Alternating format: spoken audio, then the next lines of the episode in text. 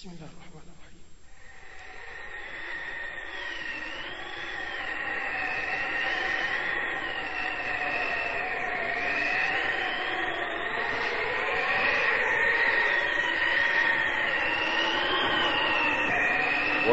وأذن في الناس بالحج يأتوك رجالا وعلى كل ضامر يأتين من كل فج عميق فلما علم عباد الله المؤمنين بذلك الدعاء وذلك النداء تفتحت له اسماعهم وتفتحت له قلوبهم فصاروا له مجيبين. لبيك اللهم لبيك لبيك لا شريك لك لبيك. إن الحمد والنعمة لك والملك لا شريك لك. إنه يعلن استجابته لله عز وجل. للذين استجابوا لربهم الحسنى. للذين استجابوا لربهم الحسنى. لذلك أحبتي في الله ما وفد وافد يسير على الفجاج. أحب إلى الله من وافد على بيته. إن أول بيت وضع للناس للذي ببكة مباركا وهدى للعالمين.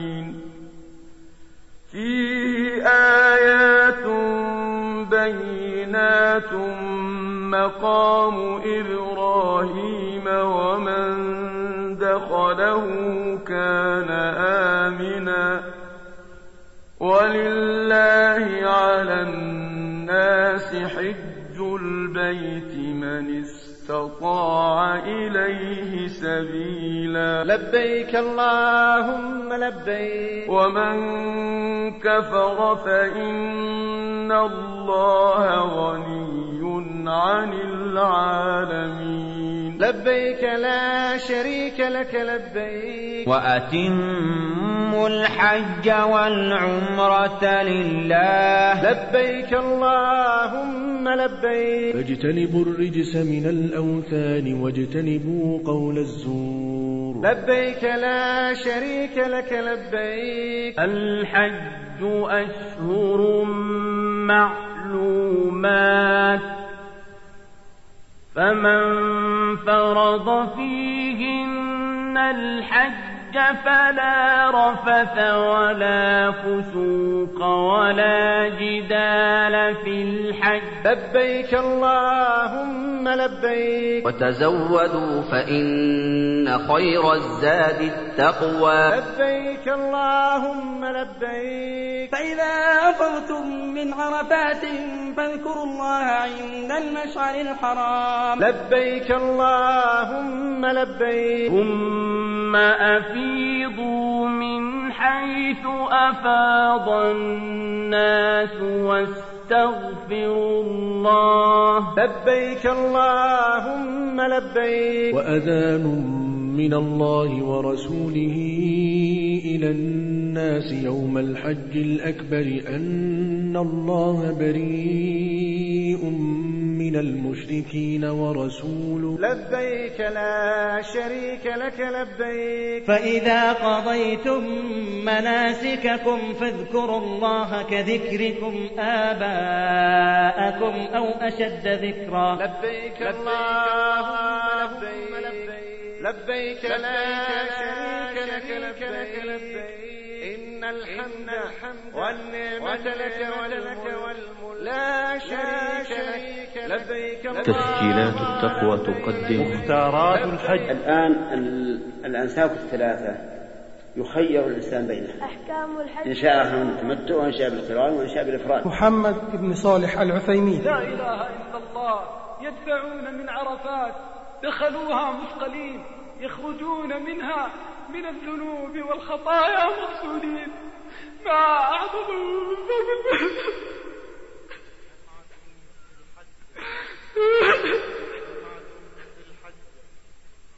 لا إله إلا محمد المختار الشنقيطي. ينطلق الإنسان إلى المسعى من طريقه. يعني من جهة الحجر الأسود ينطلق وهو أقرب الأماكن إلى الصف عمر بن سعود العيد. أحرص عليها وسجلها ودور لها واحد واحد من تحج. أي نعم حتى يكون حجك مبرورا. سعيد بن مسلم. لقد كان أهل الجاهلية يعلنون الشرك الصراح وهم يلبون ويجاهرون به. فيقولون في تلبيتهم لبيك لا شريك لك إلا شريكا هو لك تملكه وما ملك. فجاء الإسلام بتلبية التوحيد والإخلاص وإعلان البراءة من الشرك. محمد بن عبد الله الدويش ومنها أيضا أي من نواقض كلمة لا إله إلا الله رفض حكم الله ورسوله والتحاكم إلى غيرها إلى غيرهما من القوانين الوضعية. القوانين الجاهلية التي ابتلي بها المسلمون في هذا العصر. بشر ابن فهد البشر أمرا مهما نحب أن ننبه عليه. صلاة الجماعة يغفلها كثير من الحجاج. فترى الإنسان منهم من يصلي وحده ومنهم من لا يصلي إلا على راحته ينام فإذا استيقظ صلى على راحته هذا من الجهل والخطأ عمر بن سعود العيد हज में खर्च किया जाए वो ऐसे है जैसे अल्लाह की राह में जिहाद की गरज से खर्च किया जाए فضل إلهي When you reflect on it, first of all, it really uh, is a fulfillment of the prophecy made in the Quran. The Quran describes that when Prophet Abraham built that house, God ordained him. جمال بدوي Bertanyalah kepada orang yang berilmu tentang masalah-masalah agama dan ibadah haji. مصلح ابن عبد الكريم الأندونيسي مختارات الحج مجموعة محاضرات ودروس عن الحج تعين المسلم على فهم مناسك الحج على ضوء الكتاب والسنة. مختارات الحج. تصلح للإهداء والتوزيع الخيري. مختارات الحج. لفاعل الخير وأئمة المساجد والدعاء وحملات الحج والجمعيات الخيرية مختارات الحج. يمكن الحصول عليها بسعر لبيك مخفض. اللهم لبيك. لبيك لا شريك لك لبيك. والآن مع هذه المادة. وهي بعنوان أحكام الحج. لفضيلة الشيخ محمد بن صالح العثيمين. إن الحمد لله نحمده ونستعينه ونستغفره ونعوذ بالله من شرور أنفسنا ومن سيئات أعمالنا. من يهده الله فلا مضل له ومن يضلل فلا هادي له. وأشهد أن لا إله إلا الله وحده لا شريك له. وأشهد أن محمدا عبده ورسوله. صلى الله عليه وعلى آله وأصحابه ومن تبعهم بإحسان إلى يوم الدين. أما بعد ففي هذه الليلة ليلة الثلاثاء الثاني والعشرين من شهر ذي القعدة عام أربعة عشر وأربعمائة وألف يسر الله لنا وله الحمد والمنة أن نلتقي بإخواننا في جامع الراجحي في الرياض في الربوة. وهذا اللقاء سوف نتكلم فيه على موضوعين. الموضوع الأول الموضوع الأول الأضاحي وما يتعلق بها والموضوع الثاني الحج وما يتعلق به.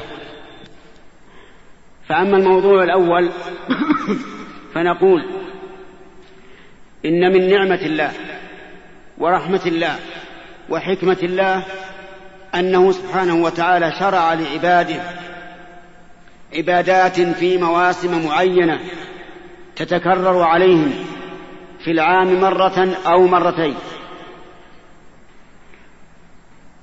وأنه شرع في هذه الأيام أعني أيام شهر ذي الحجة شرع لعباده عبادات عبادات عامة وعبادات خاصة.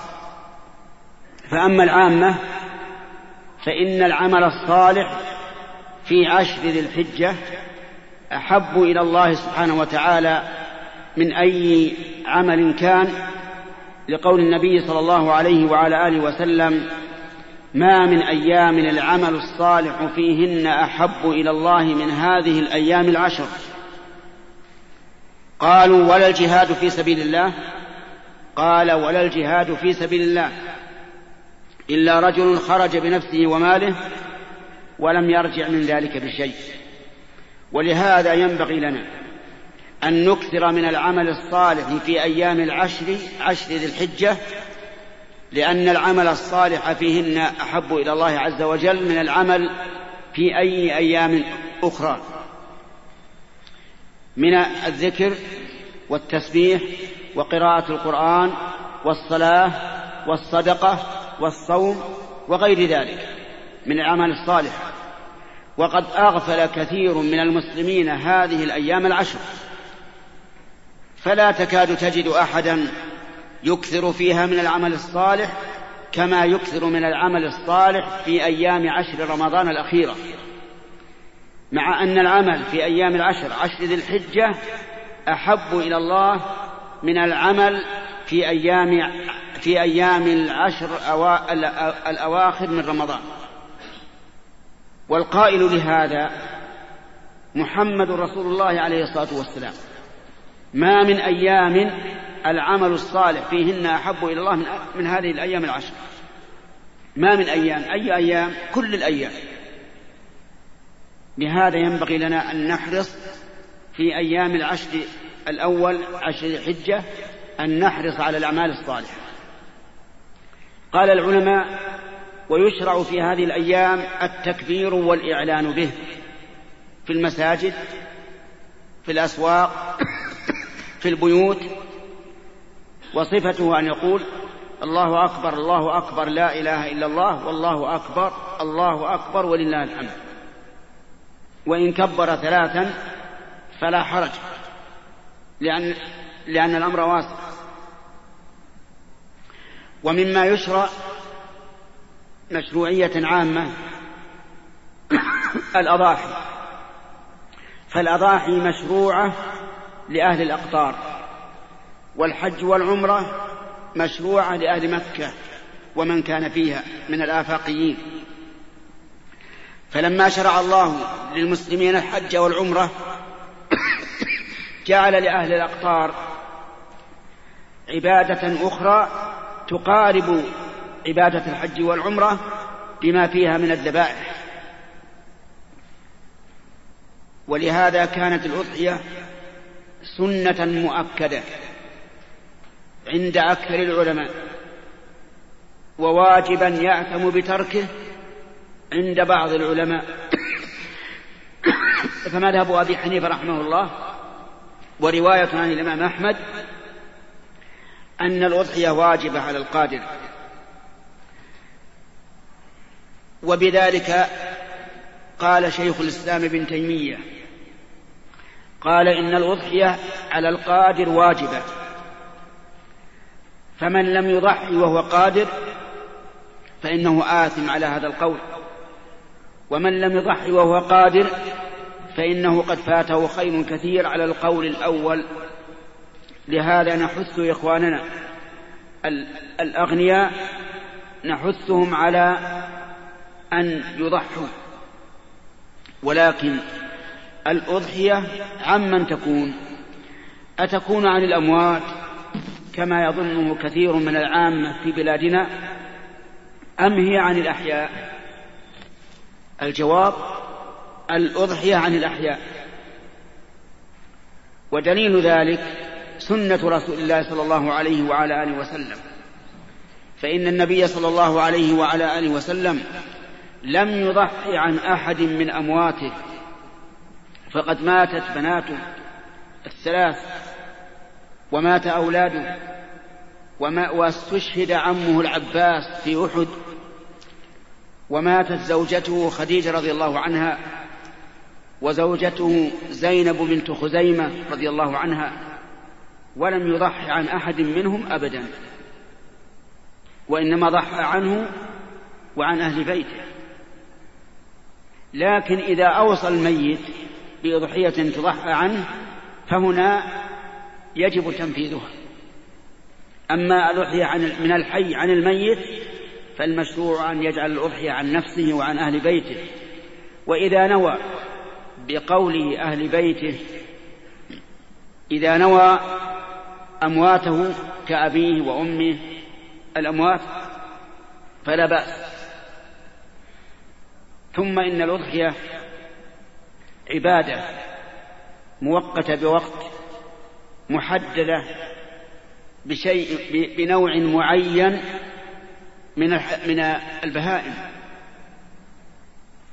ولهذا نقول إنه من غير الأفضل أن يدفع الإنسان دراهم ليضحى بها في بلاد أخرى كالصومال مثلا. والأفغان وكشمير وغيرها. نقول إن دفع الدراهم ليضحى هناك ليس بصواب. لماذا؟ لأنك تدفع بذلك شعيرة من شعائر الإسلام التي شرعت في الأقطار حتى ينتشر فيها الذبح لله عز وجل. وليس المقصود بالأضحية مجرد الانتفاع باللحم فإن الله يقول لن ينال الله لحومها ولا دماؤها ولكن يناله التقوى منكم. ويدل على هذا أنه ليس المقصود من الأضحية مجرد الانتفاع باللحم أن الأضحية مؤقتة بوقت معين وأن من أراد أن يضحي تعلقت به أحكام معينة منها أنه إذا دخل العشر عشر ذي الحجة وأراد الإنسان أن يضحي فإنه لا يأخذ من شعره ولا من ظفره ولا من بشرته شيئا. انتبه الشعر والظفر معروف لكن ما هو البشرة؟ البشرة يعني الجلد. ومعلوم أن الإنسان لا يأخذ من جلده غالبا إلا أن بعض الناس قد يكون في عراقيبه شيء من الجفاف. فيكون في العراقيب شيء, شيء جاف وبعض الناس يقلعه بظفره. نقول ما دمت في عشر ذي الحجة فلا تقلعه إذا كنت تريد أن تضحي حتى تذبح الأضحية. أما أهل البيت الذين يضحى عنهم فلا حرج عليهم أن يأخذوا من شعورهم وأظفارهم وأبشارهم لأن النبي صلى الله عليه وعلى آله وسلم إنما نهى من يضحي ولم ينه من يضحى عنه. وكان يضحي هو عن أهل بيته ولا ولم يقل لهم اجتنبوا الأخذ من الشعور والأظفار. لكن بعض العلماء رحمهم الله قالوا يحرم على من يضحي أو يضحى عنه. ولكن حسبنا سنة رسول الله صلى الله عليه وسلم فإنه لم ينهى إلا من يضحي. أقول الأضحية ليس المقصود منها مجرد اللحم الأضحية ذبحها عبادة مستقلة مقرونة بالصلاة فصل لربك وانحر. وإذا أردنا أن ندفع ضاحينا إلى خارج بلادنا فإن هذه الشعيرة سوف تفقد من بيننا. سوف لا يكون في البيوت ضحايا مع أن مع أن وجود الضحايا في في البيوت من شعائر الله عز وجل. ويدل لذلك أي يدل لأن الأضحية ليست. ليس المقصود منها مجرد الانتفاع باللحم أن الأضحية لا تكون إلا من نوع معين من البهائم وهو بهيمة الأنعام الإبل والبقر والغنم وأن الأضحية لا بد أن تكون بالغة سنا معينا وهو خمس سنين في الإبل وسنتان في البقر وسنة في المعز ونصف سنة في الضأن وما دون ذلك لا يضحى به.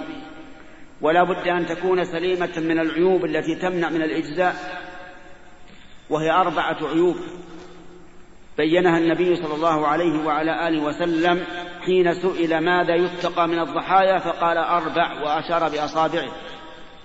العورة البين عورها والمريضة البين مرضها والعرجاء البين ضلعها والعجفاء أي الهزيلة التي لا تنقي أي التي ليس فيها مخ. هذه أربعة أنواع من العيوب لا تجزئ الأضحية المتصفة بها وكذلك ما كان بمعناها فإنه يلحق بها لأن الشريعة لا لا تفرق بين شيئين متماثلين. كذلك الأضحية لا تجزي إلا في وقت معين وهي من صلاة من صلاة العيد يوم النحر إلى غروب الشمس يوم الثالث من أيام التشريق. فمن ذبح قبل الصلاة فلا فليست أضحية. ومن ذبح بعد انتهاء أيام التشريق فليست أضحية. ويدل لذلك قول النبي صلى الله عليه وعلى آله وسلم من عمل عملا ليس عليه أمرنا فهو رد.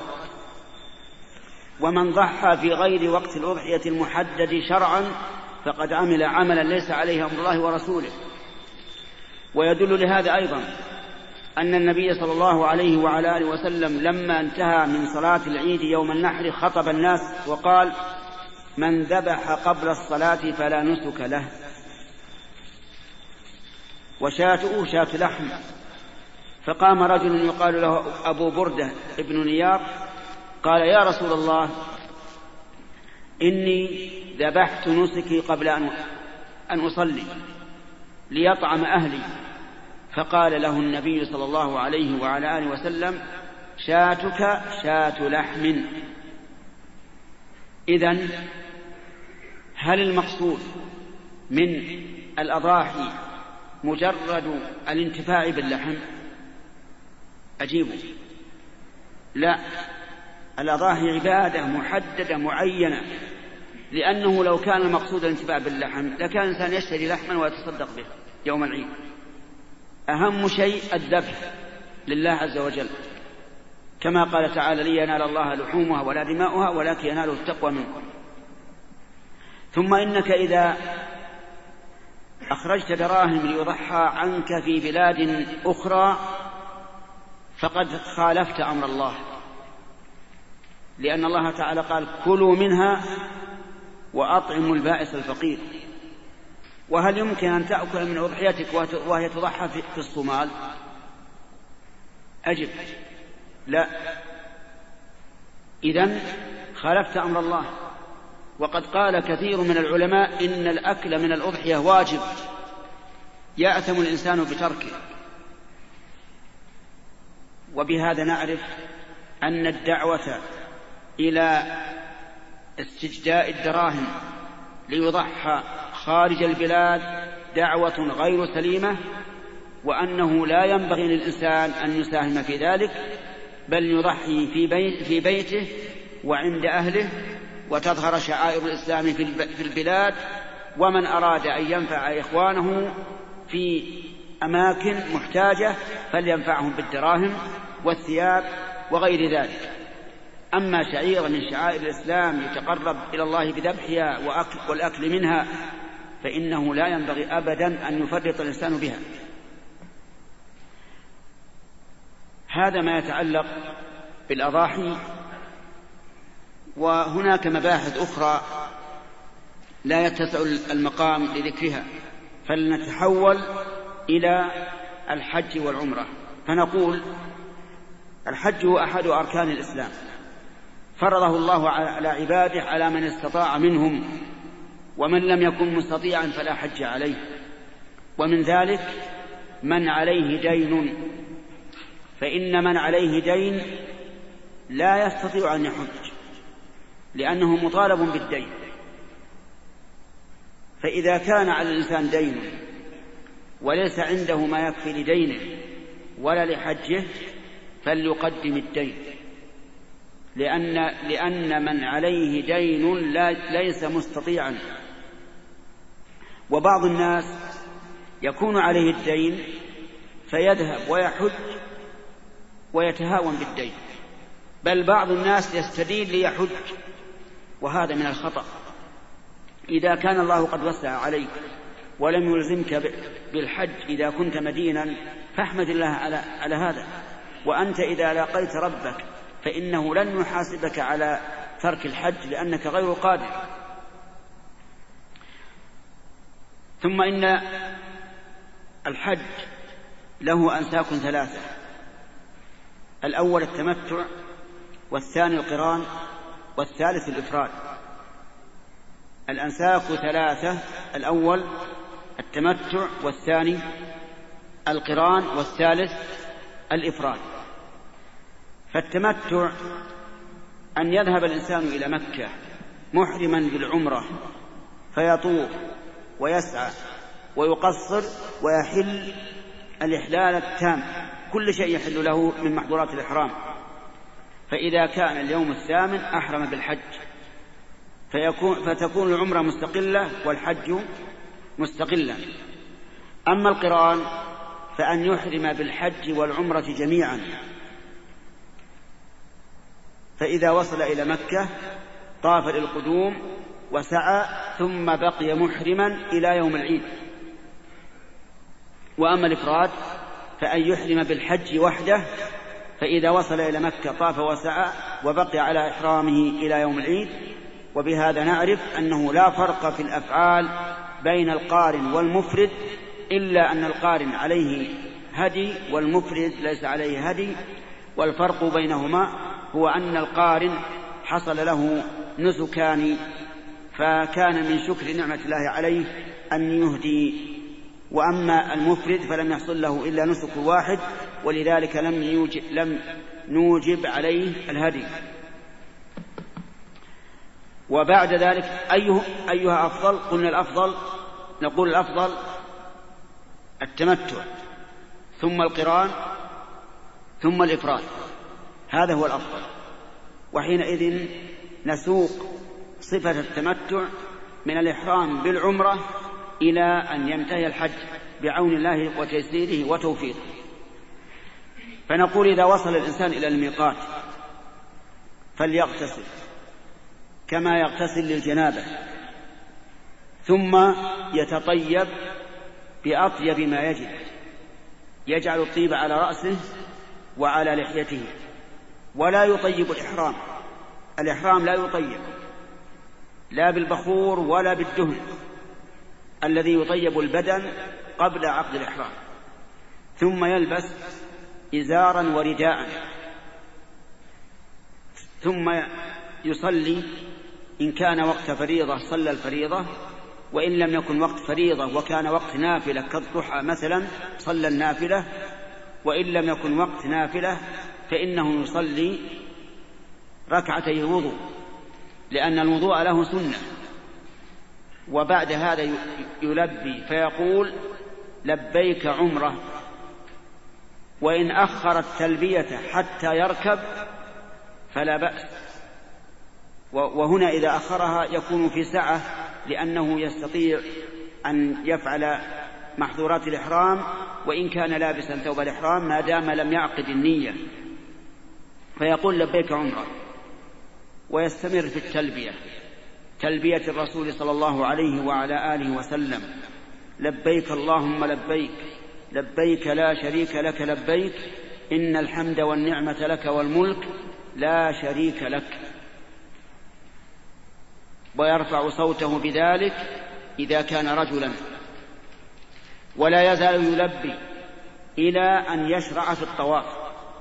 فإذا وصل إلى المسجد الحرام بادر فطاف ويبتدئ الطواف من الحجر وله الحمد لله علامة الآن وهي هذا الخط البني الذي ينطلق من الحجر إلى منتهى صحن الطواف.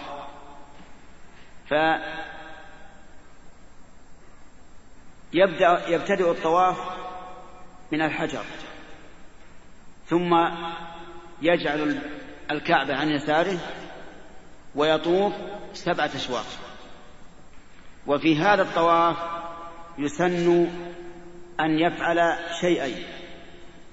الشيء الأول أن يطبع في جميع طوافه والاطباع أن يجعل وسط الرداء تحت الإبط الأيمن وطرفي الرداء على الكتف الأيسر في جميع الطواف. والشيء الثاني أن يرمل في الأشواط الثلاثة الأولى. فقط وفي الأربعة الباقية يمشي عاديا عاديا. والرمل قال العلماء هو الإسراع في المشي دون أن يمد خطوته. تكون الخطى عادية لكن يسرع. وليس الرمل ما نشاهد من بعض الحجاج أن يهز الكتفين هكذا. لا. الرمل أن يسرع المشي ولكن بدون أن يمد الخطى. كم يرمل؟ الثلاثة الأشواط الأولى فقط. فماذا يقول في طوافه؟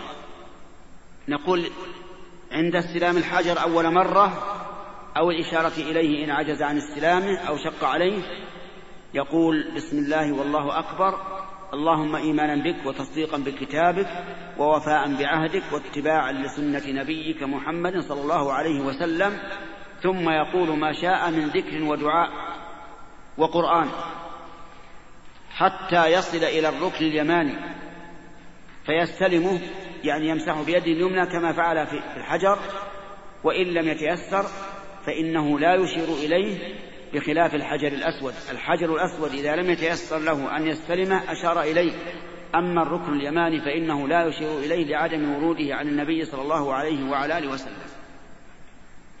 ويقول بين الركنين الركن اليماني والحجر يقول ربنا آتنا في الدنيا حسنة وفي الآخرة حسنة وقنا عذاب النار. فإن فرغ من هذا قبل أن أن يصل إلى الحجر هل يسكت؟ الجواب لا. يكرر.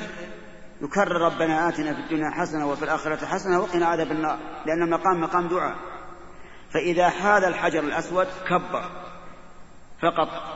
ولا يقول بسم الله والله أكبر بل يقول الله أكبر.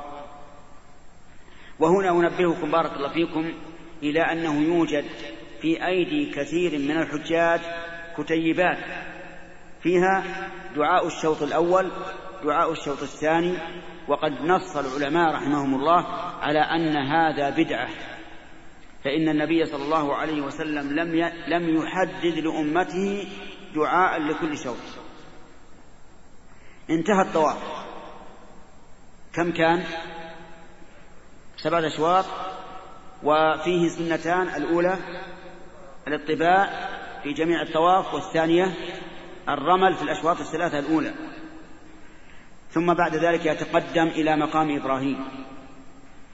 ويقرأ واتخذوا من مقام إبراهيم مصلى.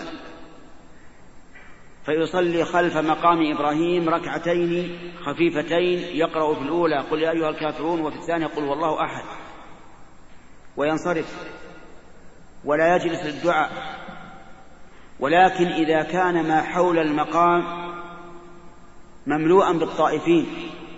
فلا يصلي هنا لأنه لا حق له في المكان. المكان لمن؟ للطائفين. يذهب يصلي في أي مكان من المسجد. فإذا فرغ من من صلاة الركعتين إن تيسر له أن يرجع إلى الركن أي إلى الحجر الأسود فيستلمه فهذا سنة وإن لم يتيسر خرج إلى الصفا. فإذا دنا من الصفا قرأ إن الصفا والمروة من شعائر الله. أقول إذا دنا من الصفا لا إذا صعد على الصفا. إذا دنا من الصفا قرأ إن الصفا والمروة من شعائر الله. كما قرأها النبي صلى الله عليه وعلى آله وسلم. وهنا أقف لماذا يقرأ الإنسان بعد فراغ الطواف إذا إذا تقدم إلى مقام إبراهيم واتخذوا من مقام إبراهيم مصلى وإذا دنا من الصفا قرأ إن الصفا والمروة من شعائر الله. لماذا؟ ليشعر نفسه أنه إنما فعل ذلك امتثالا لأمر الله. ثم يصعد على الصفا ويتجه إلى القبلة ويرفع يديه رفع دعاء ويكبر ثلاثا ويقول لا إله إلا الله وحده لا شريك له له الملك وله الحمد وهو على كل شيء قدير. لا إله إلا الله وحده أنجز وعده ونصر عبده وهزم الأحزاب وحده ثم يدعو بما أحب ثم يعود فيقول لا إله إلا الله وحده لا شريك له له الملك وله الحمد وهو على كل شيء قدير لا إله إلا الله وحده أنجز وعده ونصر عبده وهزم الأحزاب وحده ثم يدعو بما أحب ثم يعود للذكر مرة ثالثة ثم ينزل متجها إلى المروة يمشي مشيا عاديا. حتى يصل إلى العمود الأخضر فإذا وصله سعى أي ركض ركضا شديدا حتى إن نبيكم محمدا صلى الله عليه وعلى آله وسلم كان يسعى شديدا تدور به إزاره من شدة السعي إلى العمود الأخضر الآخر. فإن لم يتيسر لك هذا السعي أعني الركض الشديد فسر حيث ما يتيسر لك. لا تتأذى ولا تؤذي. فإذا وصلت إلى المروة فاصعد إليها واتجه إلى القبلة وقل ما قلته على الصفا. ولا تقرأ إن الصفا والمروة من شعائر الله إذا أقبلت إلى المروة لأن النبي صلى الله عليه وسلم لم يقرأ هذه الآية إلا مرة واحدة حين دنا من الصفا بعد خروجه من المسجد. فإذا أتممت سبعة أشواط تفعل في كل شوط كما فعلت في الشوط الأول. ويكون انتهاؤك بالمروة. فإن انتهيت بالصفا فاعلم أنك مخطئ. انتبه. إذا انتهيت في السعي بالصفا فاعلم أنك مخطئ. زائد أو ناقص يحتمل يحتمل أنك زدت فسعيت, فسعيت ثمانية أشواط انتهيت بالصفا أو نقصت فسعيت ستة أشواط. المهم أن تعلم أنك إذا انتهيت بالصفا فأنت غلطان. ففكر قد تكون زائدا وقد تكون ناقصا. لأنه لا بد أن يكون انتهاء, انتهاء السعي بالمروة. فإذا انتهيت من السبعة أشواط فقصر. قصر الرأس يعني قصه ولا تحلقه لأن موعد الحج قريب ولا ينبت الشعر ولهذا أمر النبي صلى الله عليه وسلم أصحابه وقد قدموا في اليوم الرابع من ذي الحجة أمرهم أن يقصروا ولم يأمرهم بالحلق مع أن الحلق أفضل من أجل أن يتوفر الشعر للحج. فإذا قصرت فقد حللت من كل شيء كان محظورا عليك. تلبس الثياب تتطيب إذا كان معك أهلك تتمتع بهم المهم تحل من جميع محظورات الإحرام. فإذا كان اليوم الثامن من الحجة فأحرم بالحج. وعند الإحرام تغتسل كما تغتسل عند إحرام العمرة. وتحرم من مكانك. فتقول لبيك حجا وتخرج إلى منى وذلك ضحى اليوم الثامن. فتصلي بها الظهر والعصر والمغرب والعشاء والفجر قصرا بلا جمع فإذا طلعت الشمس فسر إلى عرفة. وانزل بنمرة إن تيسر لك ونمرة ليست من عرفة بل هي خارج عنها. لكن نزلها الرسول صلى الله عليه وعلى آله وسلم والله أعلم من أجل أن يستريح فيها لأنها كانت مكانا ذا أشجار كثيرة ثم إذا زالت الشمس فادفع من نمرة إلى عرفة وإن لم يتيسر لك النزول بنمرة كما هو الواقع الآن فلا حرج أن تستمر في السير من منى إلى عرفة وتنزل هناك وتصلي الظهر والعصر جمع تقديم. إن تيسر لك أن تصلي مع الإمام في مسجد نمرة فهذا إن تيسر أن تصلي مع الإمام في في مسجد عرنة فهذا هو الأفضل. وإلا فلا حرج عليك أن تصلي مع أصحابك في خيمتك. وينبغي للحاج أن يستمع إلى خطبة الإمام في ذلك اليوم. وهذا والحمد لله في وقتنا الحاضر متيسر بأي وسيلة؟ إيش؟ عن طريق الإذاعة.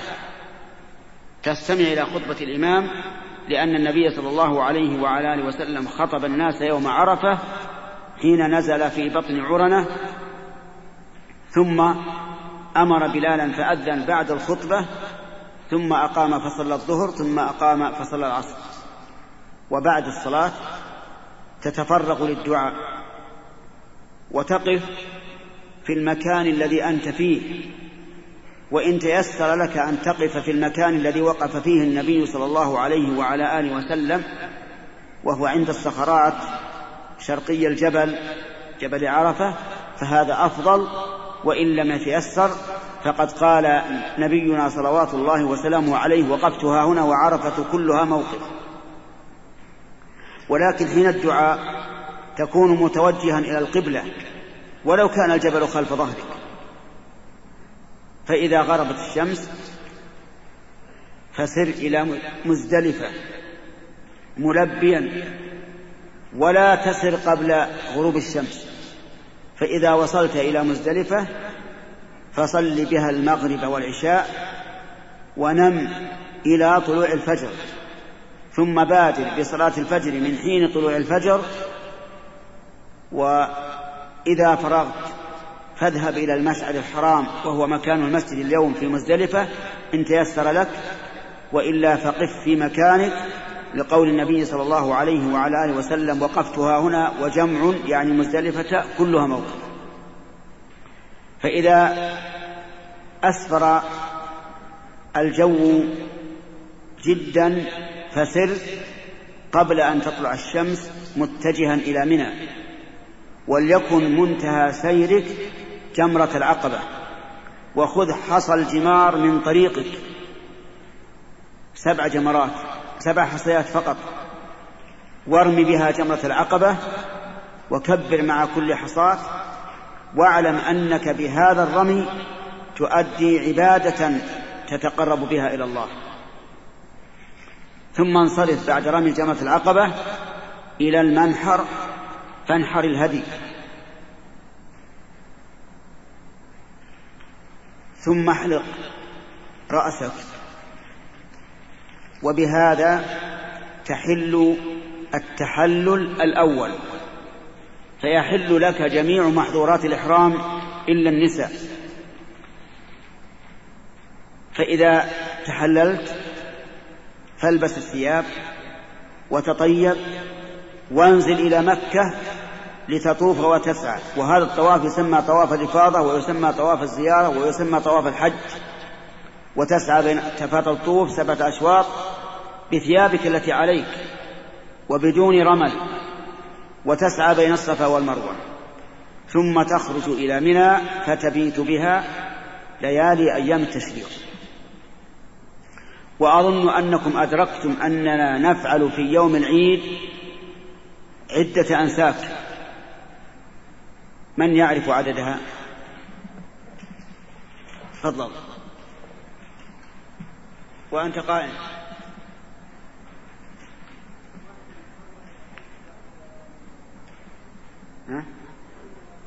نعم. نعم. نعم. نعم. والخامس؟ السعي. السعي. نعم. خمسة. يعني يوم العيد يفعل الحجاج خمسة أشياء. أولها رمي جمرة العقبة. ثم النحر. ثم الحلق. ثم الطواف. ثم السعي. وترتيبها على هذا الوجه هو الأكمل والأفضل. فإن قدمت بعضها على بعض فلا حرج. لأن النبي صلى الله عليه وعلى آله وسلم سئل يوم العيد عن التقديم والتأخير فما سئل عن شيء قدم ولا أخر إلا قال افعل ولا حرج. وهنا أسئلة. أولا لو دفع الإنسان من مزدلفة إلى مكة رأسا وطاف وسعى ثم رجع إلى منى ورمى ونحر وحلق. فهل يجوز؟ الجواب للعموم. يجوز أو لا يجوز؟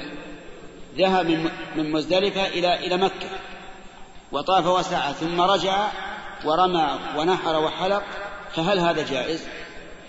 جائز. طيب. دفع من مزدلفة ومر بالمنحر فنحر. بعد طلوع الشمس قبل أن يرمي. جائز أو غير جائز؟ جائز. طيب. نزل إلى مكة ووجد أن المسعى واسع وأن المطاف مزدحم فسعى قبل أن يطوف. جائز أو غير جائز؟ لا جائز. جائز. لأن النبي صلى الله عليه وسلم سئل قال له رجل يا رسول الله سعيت قبل أن أطوف؟ قال لا حرج. وهذا تيسير. فهذه الأنساك الخمسة ترتب كما ذكرنا أولا الرمي ثم النحر ثم الحلق ثم الطواف ثم السعي وإن قدمت بعضها على بعض فلا حرج. وهذا من رحمة الله وحكمته.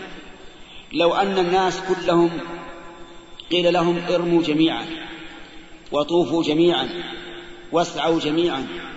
لكان في ذلك مشقة عظيمة لكن من نعمة الله أن الناس رخص لهم فهذا ينزل ويطوف وهذا يذهب ويرمي وهذا يذهب ويحلق وهذا يذهب وينحر. فالأمر في هذا واسع ولله الحمد. ثم ثم تبيت في منى الليلة الحادي عشر. فإذا زالت الشمس يعني دخل وقت الظهر فالقط الجمرات إحدى وعشرين حصاة. أو القطها سبعا سبعا.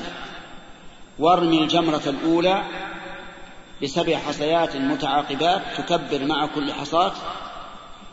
ثم إذا فرغت تتقدم قليلا لئلا يصيبك الحصى وتتجه إلى القبلة وتدعو الله دعاء طويلا. ثم تنحدر إلى الجمرة الوسطى وترميها بسبع حصيات متعاقبات تكبر مع كل حصاة ثم تنحدر وتقف مستقبل القبلة رافعا يديك تدعو الله تعالى دعاء طويلا. ثم إلى جمرة العقبة وترميها بسبع حصيات ولا تقف بعدها. تفعل هذا في اليوم الحادي عشر وفي اليوم الثاني عشر وفي اليوم الثالث عشر إن تأخرت. وبهذا يتم الحج. وإذا أردت السفر إلى بلادك فلا تخرج حتى تطوف للوداع بالثياب التي عليك وبدون رمل. تطوف للوداع وتخرج. ولا سعي عليك لأن طواف الوداع طواف فقط. وبهذا تمت العمرة والحج على وجه التمتع. أما على وجه القرآن أو الإفراد فإنك إذا أحرمت من الميقات تبقى على إحرامك إلى يوم العيد. لأن القارن والمفرد لا يحلان بين بين بين العمرة والحج. لكن سبق أن على القارن هدي دون المفرد. ولنرجع الآن إلى مباحث في الحج. أولا لو أن الرجل لم يحرم إلا بعد تجاوز الميقات فهل ينعقد إحرامه؟ يعني رجل مر بالميقات ولكن لم يحرم إلا بعد أن تجاوز الميقات وهذا يكثر في الذين يسافرون عن في الطائرة. تجده لا يهتم بالميقات ولا يحرم إلا من جدة. فهل إحرامه صحيح؟ أو غير صحيح. نقول إحرامه صحيح ولكنه ترك واجبا وعليه فدية يذبحها في مكة ويوزعها على الفقراء. ثانيا آه علمنا الآن أن في الحج ست وقفات. علمنا أن في الحج ست وقفات. ليس وقوفا واحدا بل ست ست وقفات نعدها على الصفا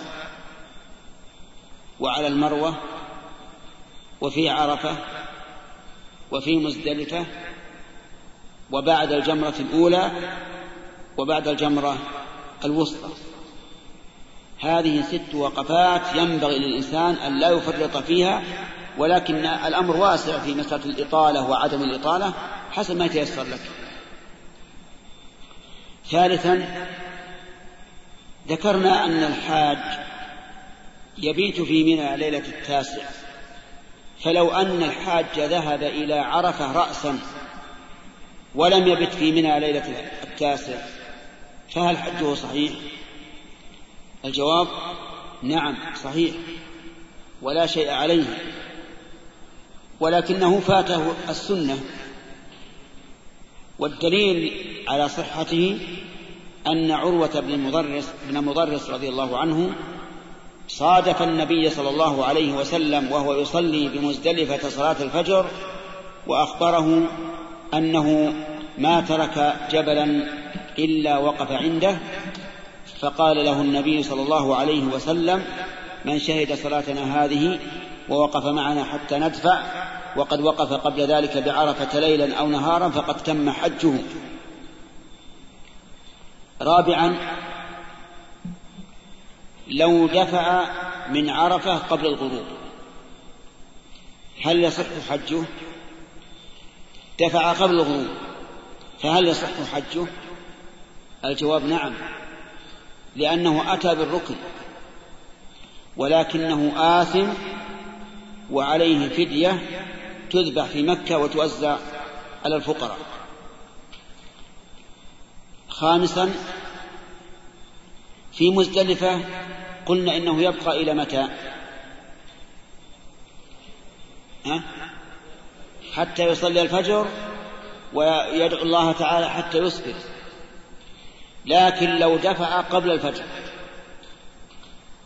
فهل هذا جائز؟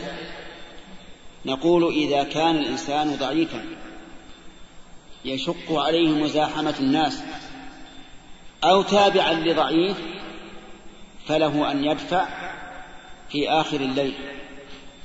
وكانت أسماء بنت أبي بكر رضي الله عنهما كانت إذا غاب القمر دفعت.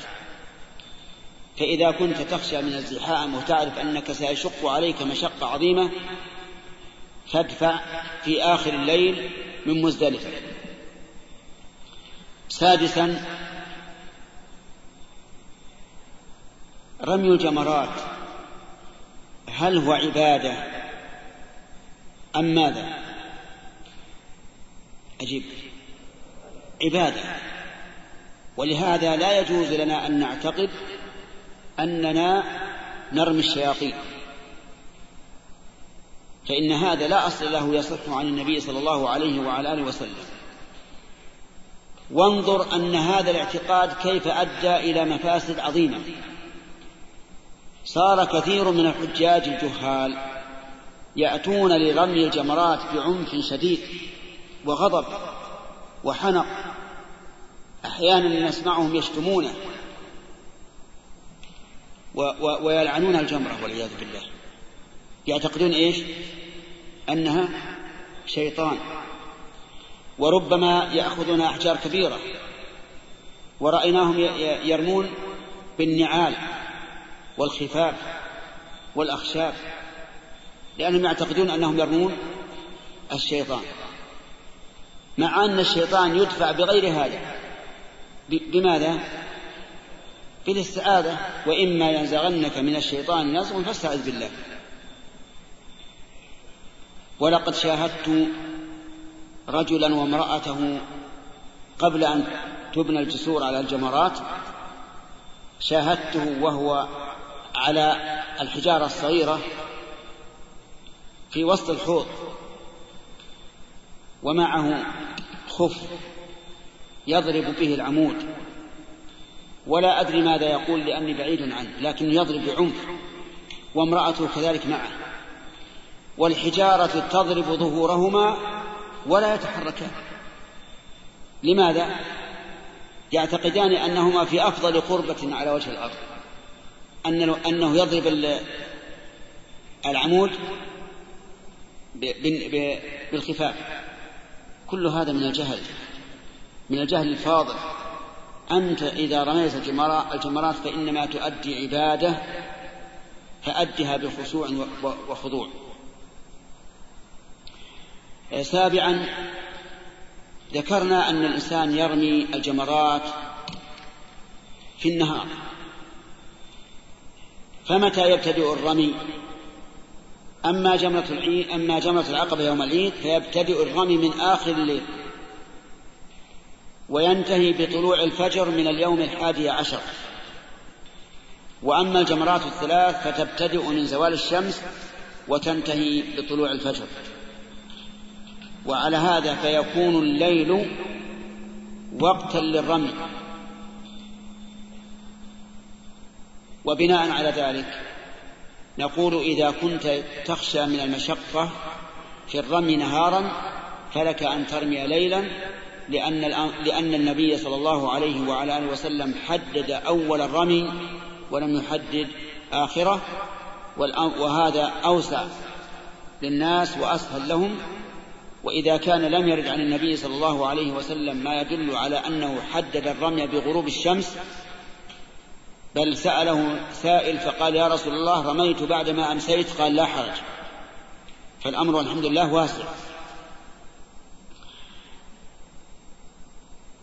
ثامنا لو أن رجلا في اليوم الثاني عشر نزل ضحى إلى مكة وطاف للوداع ثم خرج إلى منى ورمى الجمرات بعد الزوال و وسافر من منى. يعني ولم يعد إلى مكة فيطوف فيطوف للوداع. هل هذا جائز؟ نعم. فمن السؤال رجل في اليوم الثاني عشر نزل إلى مكة ضحى وطاف للوداع ثم خرج إلى منى. ورمى الجمرات وسافر هل يجوز ذلك أو لا؟ لا لا يجوز. لأن طواف الوداع لابد أن يكون آخر شيء. وعلى هذا فنقول في هذا الرجل إنه قد ترك طواف الوداع لأنه طاف في غير وقته فعليه دم يذبح في مكة ويوزع على الفقراء. ولعلنا أتينا إلى ما يسر الله عز وجل من صفة العمرة والحج. والحمد لله الكتب كثيرة ألفت في الحج والعمرة لكن التفريط من من الناس. تجد بعض الناس يحج ولا يصطحب معه كتابا يوجهه لصفة الحج والعمرة. أيضا بعض الناس لا يهتم بمن يكون صاحبا له في السفر والذي ينبغي ولا سيما لأهل الحملات الذي ينبغي أن يختاروا طالب علم يكون معهم يبين لهم ويرشدهم حتى يكونوا على بصيرة. لأن كثيرا من الناس إذا حج جاء يسأل فيما أخطأ فيه وبعض الناس يسأل عن خطأ وقع منه قبل عشر سنوات. وبعض الناس يسأل عن أمور لو أنه سأل عنها أدنى طالب علم في مكة لحلت في وقتها. مثلا لو يقع من بعض الناس وهو كثير في وقت الزحام أنه في الطواف يدخل بين الحجر وبين الكعبة. لأنه أقرب. فهل الذي فعل ذلك يعتبر طوافه صحيحا؟ الجواب لا غير صحيح. وهو يقع. يعني في أناس في أناس أفتوا بأن يرجعوا إلى مكة بعد أن وصلوا إلى بلادهم. لأنه طاف شوطا واحدا مع مع الباب الذي في في الحجر. والله عز وجل يقول وليطوفوا بالبيت العتيق والبل الاستيعاب يعني كل البيت. والذي يطوف مع الباب اللي بين الحجر والكعبة لم يطوف بالبيت. المهم أن فيه مسائل كثيرة تخفى على بعض الناس ويتهاون بها فالذي أنصح به إخواني الذين يذهبون إلى الحج أن يصطحبوا إما كتبا ألفت في هذا من من علماء معروفين حتى لا يكون فيها, فيها أشياء خطأ. أو يصطحب طالب علم حتى يعبد الله تعالى على بصيرة. نسأل الله تعالى أن يجعلنا وإياكم موفقين للخير وأن يجعلنا ممن يعبد الله تعالى على بصيرة إنه على كل شيء قدير. وسيكون إن شاء الله توزيع كتاب في المناسك لمن أراد أن يحج. سيكون إن شاء الله بعد الصلاة. ومن كان صاحب حملة فليأخذ من الأخ صالح آه، كرتون كامل حتى يوزعه على حملته. نعم. جزا الله فضيلة الشيخ خير الجزاء وجعل الله وإياكم ممن يستمعون القول فيتبعون أحسنه. كثر السؤال حول مسألة المحرم للخادمات اللواتي ليس معهن محرم فهل يخرجن مع مجموعة من النساء؟ علما أنهن يتشوقن للحج وقد يكون سببا لمجيئهن لهذه البلاد. فما رأي فضيلتكم؟ جزاكم الله خيرا. رأيي أنه لا يجوز للمرأة أن تسافر للحج بلا محرم لأنه ثبت في الصحيحين عن ابن عباس رضي الله عنهما قال سمعت النبي صلى الله عليه وسلم يخطب يقول لا يخلون رجل بامرأة إلا ومعها ذو محرم ولا تسافر امرأة إلا مع ذي محرم. فقام رجل فقال يا رسول الله إن امرأتي خرجت حاجة وإني اكتتبت في غزوة كذا وكذا. فقال انطلق فحج مع امرأتك. فأمره النبي صلى الله عليه وعلى آله وسلم أن يدع الغزو وأن يحج مع امرأته. فلا يجوز لأحد أن يمكن خادمته من الحج بلا محرم. ويقال للخادمة أنت والحمد لله في حل في حل من من الحج لأن المرأة التي لا تجد محرما لا يجب عليها الحج. كالفقير الذي لا يجد مالا. المرأة التي لا تجد محرما عاجزة عجزا شرعيا. والفقير الذي لا ليس له مال عاجز عجزا حسيا. ولم يوجب الله الحج إلا على من استطاع إليه سبيلا فتطمئن هذه الخادمة ويقال الحمد لله الحج ليس واجبا عليك ولو مت للقيت الله عز وجل ولا إثم عليك. نعم. جئت من غير محرم من هناك. نعم إذا قالت إني جئت من هناك بغير محرم نقول إذا عصيت الله مرة هل تعصينه مرة أخرى؟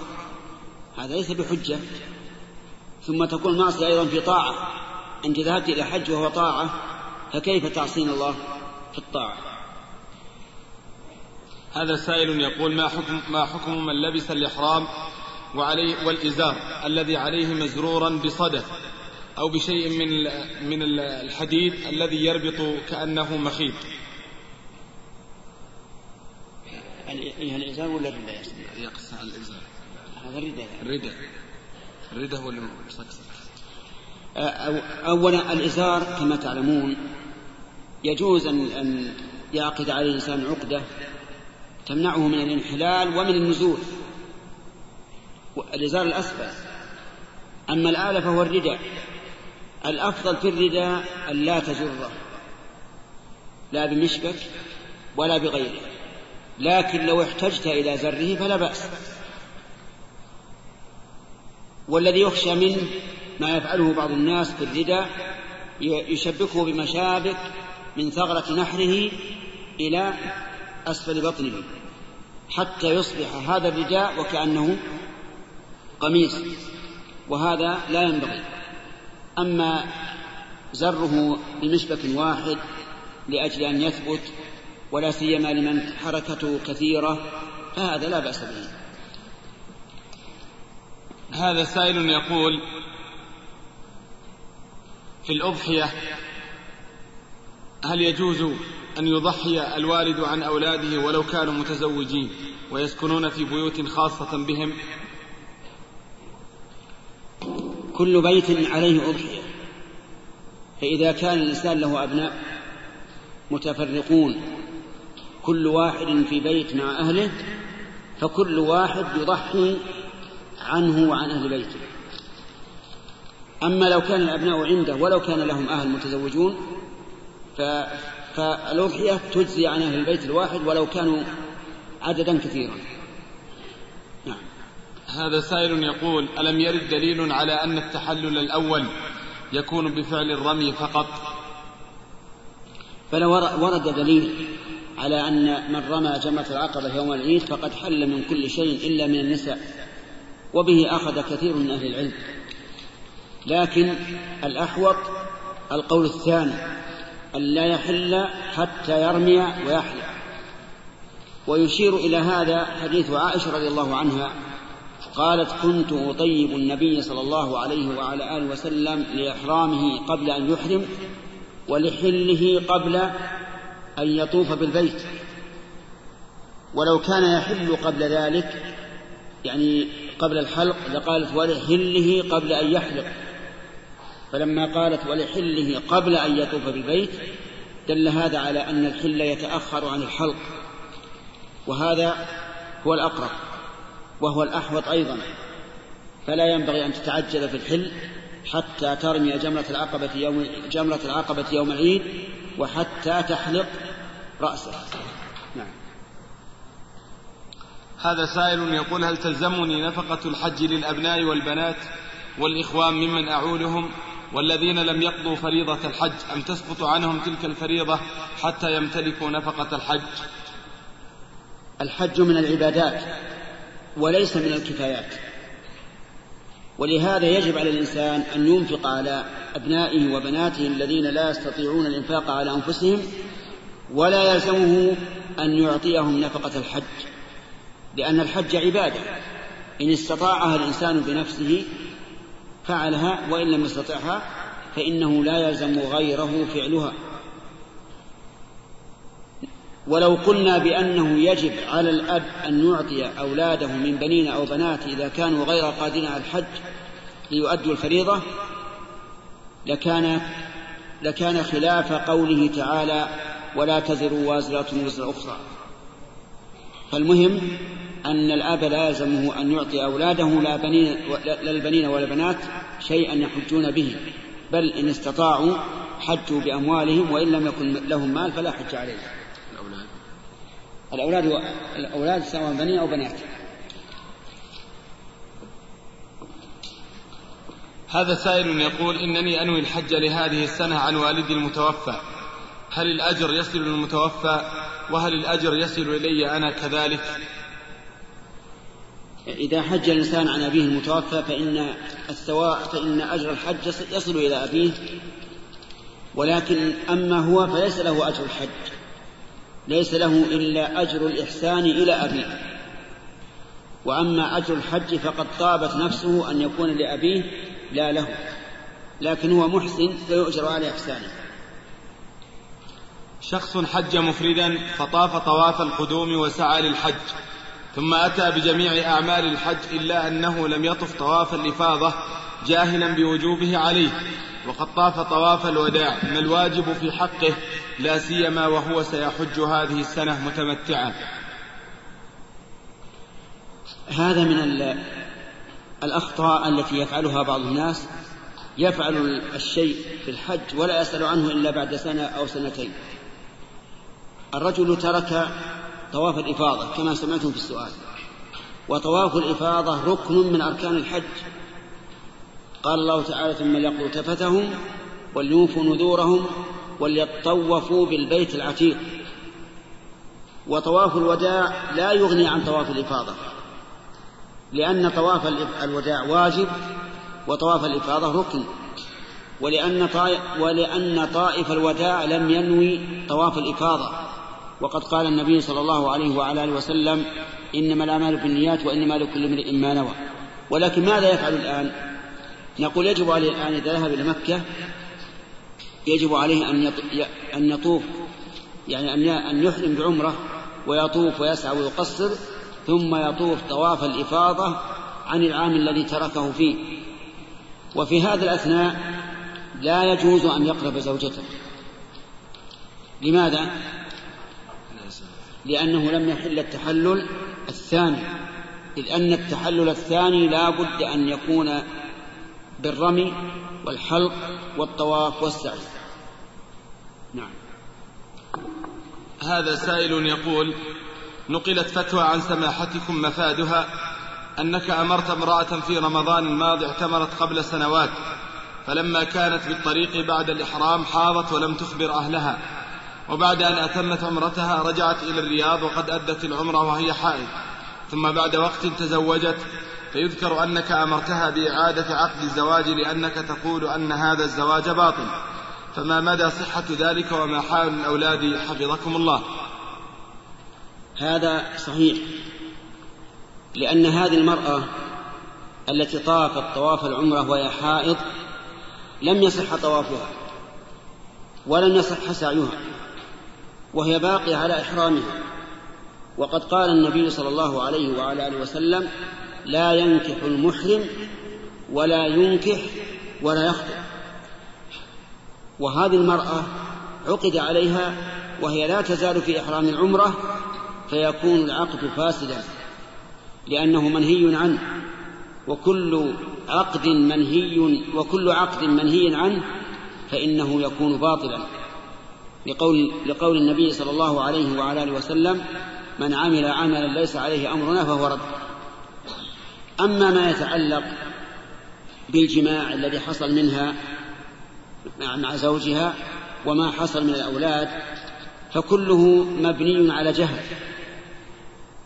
وما كان عن جهل فإنه يعذر فيه الإنسان. وليس عليها في هذه الحال إلا أن تعيد العقد. يعني يجب أن يعاد العقد عليها وفي هذه الحال يدخل عليها زوجها حالا ولا يحتاج إلى عدة ولا شيء لأن الزوجة الزوجة زوجته والعدة لو فرض أن عليها عدة لكان عدته.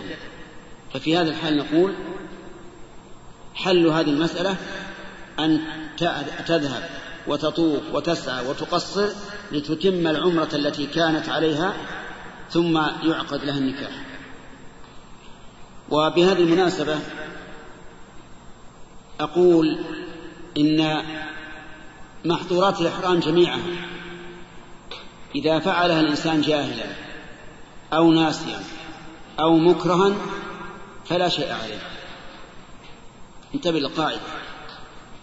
جميع محظورات الإحرام إذا ترك إنسان جاهلا أو أو ناسيا أو مكرها فلا شيء عليه. فلو أن إنسانا قبل زوجته وهو محرم لا يظن أن أن أن تقبيل أن التقبيل الإحرام حرام. فلا شيء عليه.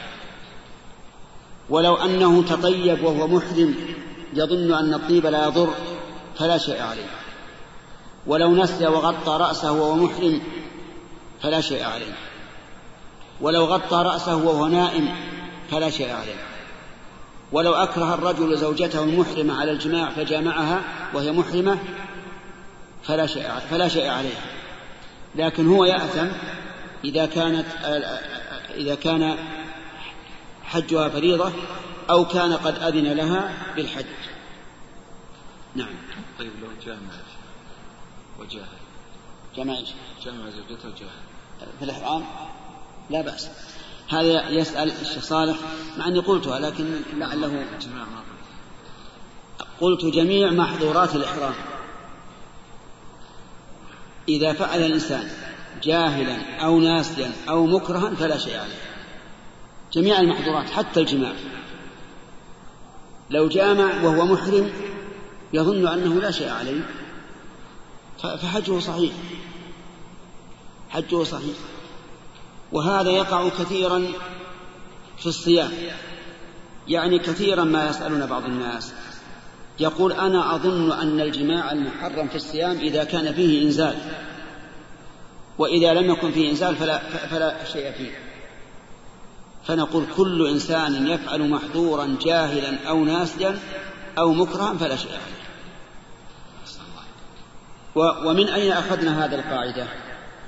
أخذناها من آيات عامة ومن, ومن قضايا خاصة.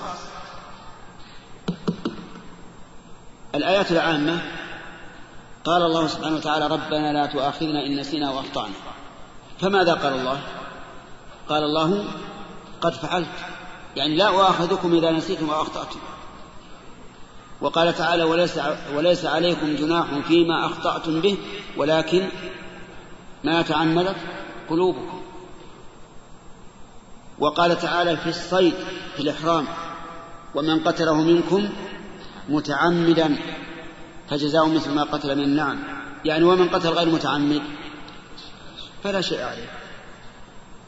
كذلك أيضا تكلم معاوية بن الحكم وهو يصلي. والكلام في الصلاة حرام ومبطل للصلاة. ولكنه كان جاهلا.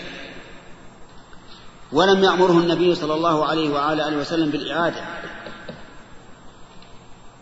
وقصة معاوية بن الحكم أطلب ممن يعرفها أن يحدثنا بها. قصة معاوية بن الحكم أنه دخل مع النبي صلى الله عليه وسلم في الصلاة.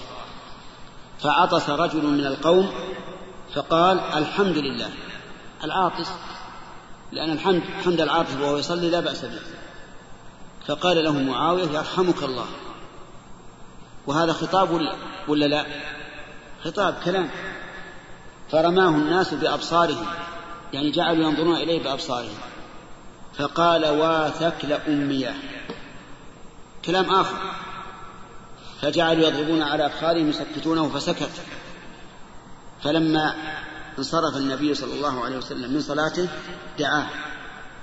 قال معاوية فبأبي هو وأمي ما رأيت معلما أحسن تعليما منه.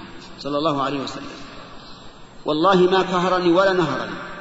وإنما قال إن هذه الصلاة لا يصلح فيها شيء من كلام الناس إنما هي التسبيح والتكبير وقراءة القرآن. ولم يقل أعد الصلاة. لماذا؟ لأنه جاهل. وفي الصيام قال النبي صلى الله عليه وسلم من نسي وهو صائم فأكل أو شرب فليتم صومه. إذا الحمد لله على نعمه.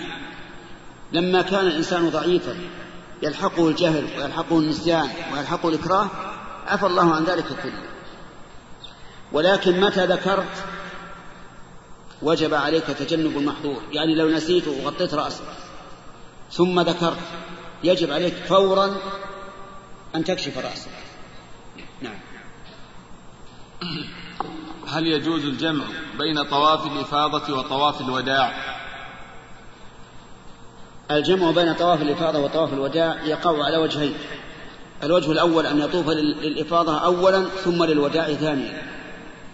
وهذا لا إشكال في جوازه. الوجه الثاني أن يطوف طوافا واحدا ينوي به الإفاضة والوداع. فنقول هذا أيضا جائز.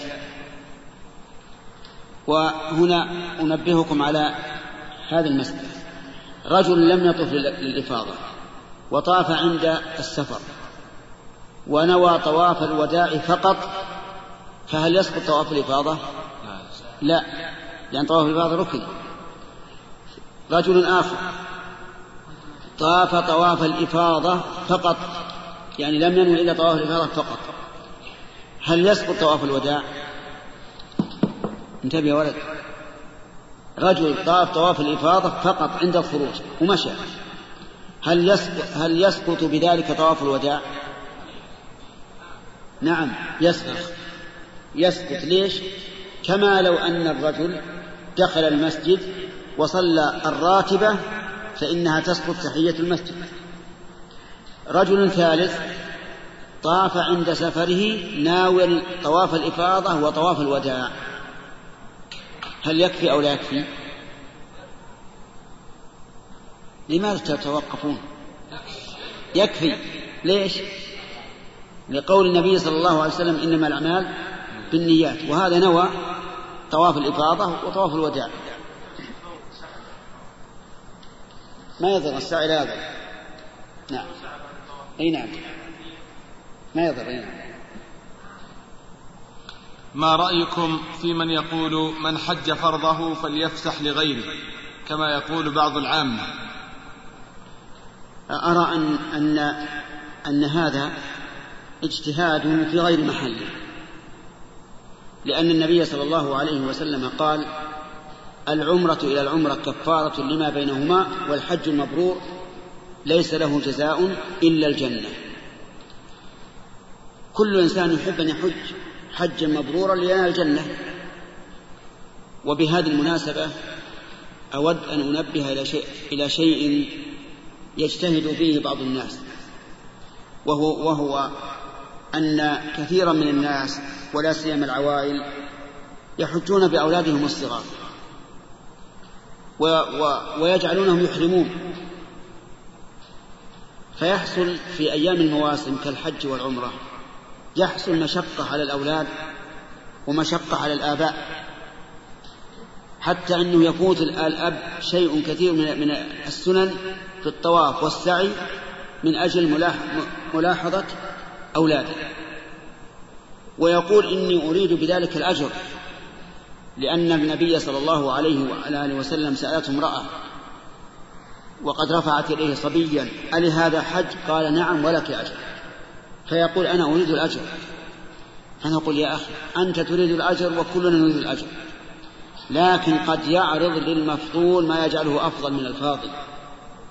كونك تؤدي المناسك براحة وطمأنينة وعدم انشغال القلب أفضل من كونك تؤديها وأنت مشغول القلب بولدك الذي أحرمت والذي سوف تجره في هذه المواقف الضنك الصعبة أو تحمله على كتفك.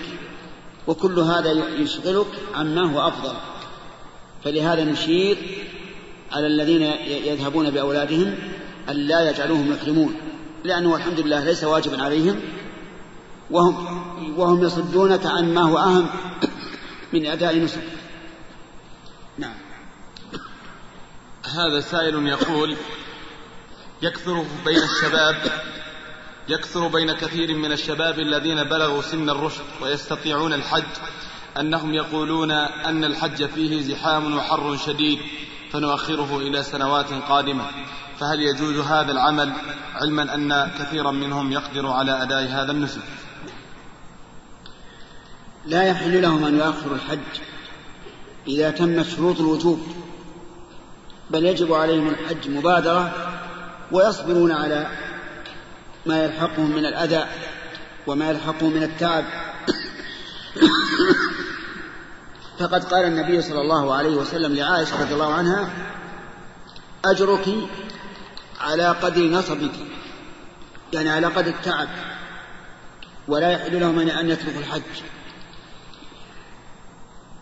لأننا نسألهم هل لديهم ضمان أنهم سيبقون إلى أن يكون الجو باردا؟ الجواب نعم أو لا؟ لا.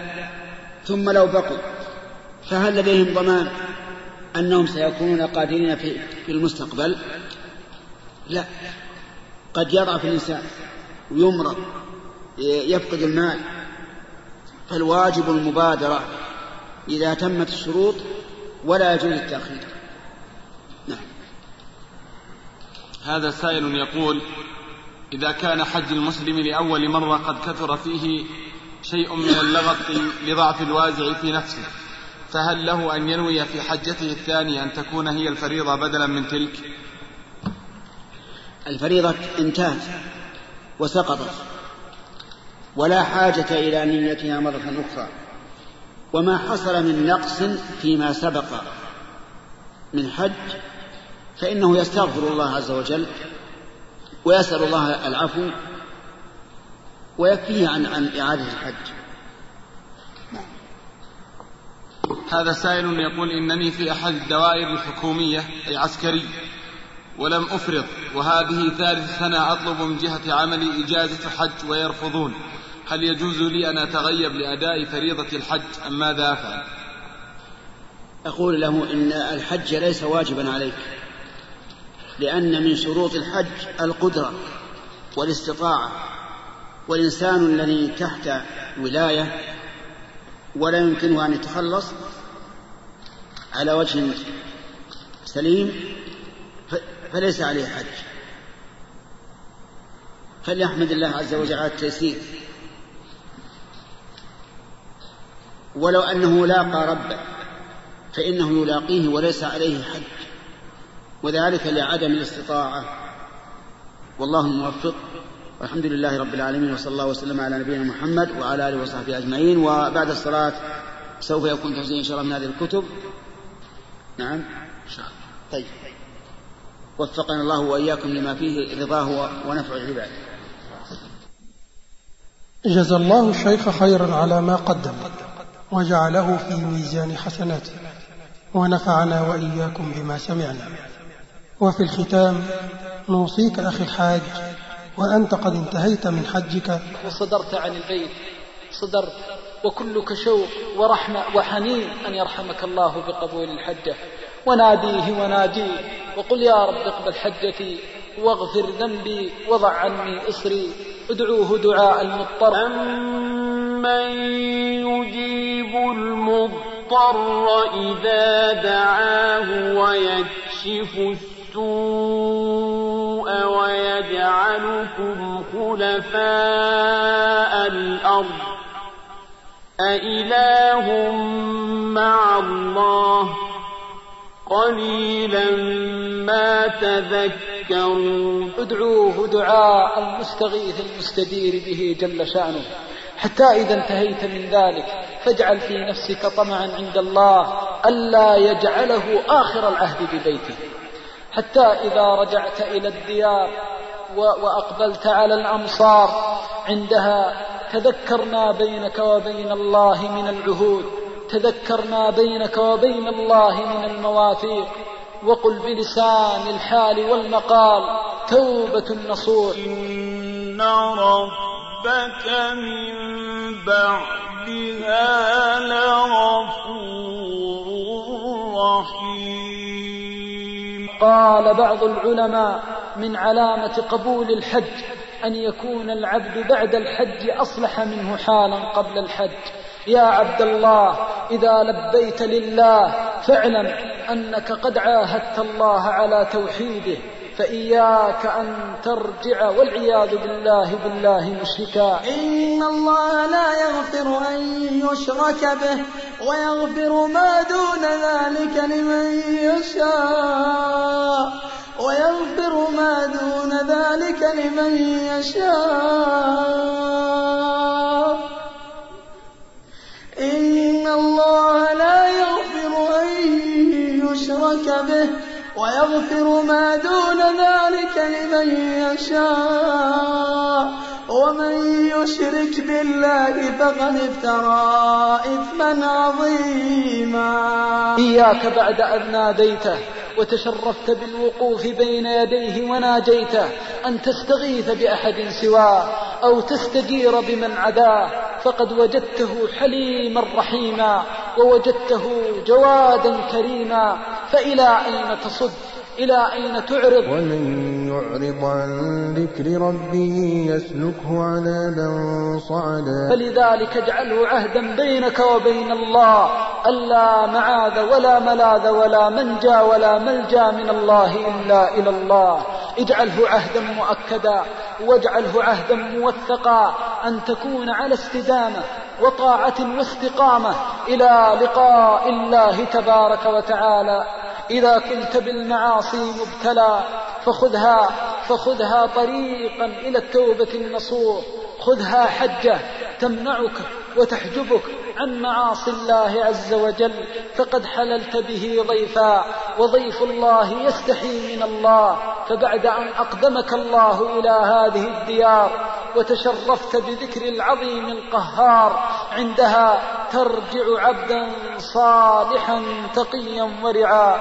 اللهم إنا نسألك بأسمائك الحسنى وصفاتك العلى حجا مبرورا وسعيا مشكورا وذنبا مغفورا. اللهم إنا نسألك أن تيسر لحجاج بيتك الحرام حجهم. اللهم يسر لهم حجهم. اللهم ارحم ضعفهم. بموجب فهرس تسجيلات التقوى فإن رقم هذا الشريط هو سبعة آلاف وتسعمائة وخمسة وعشرون.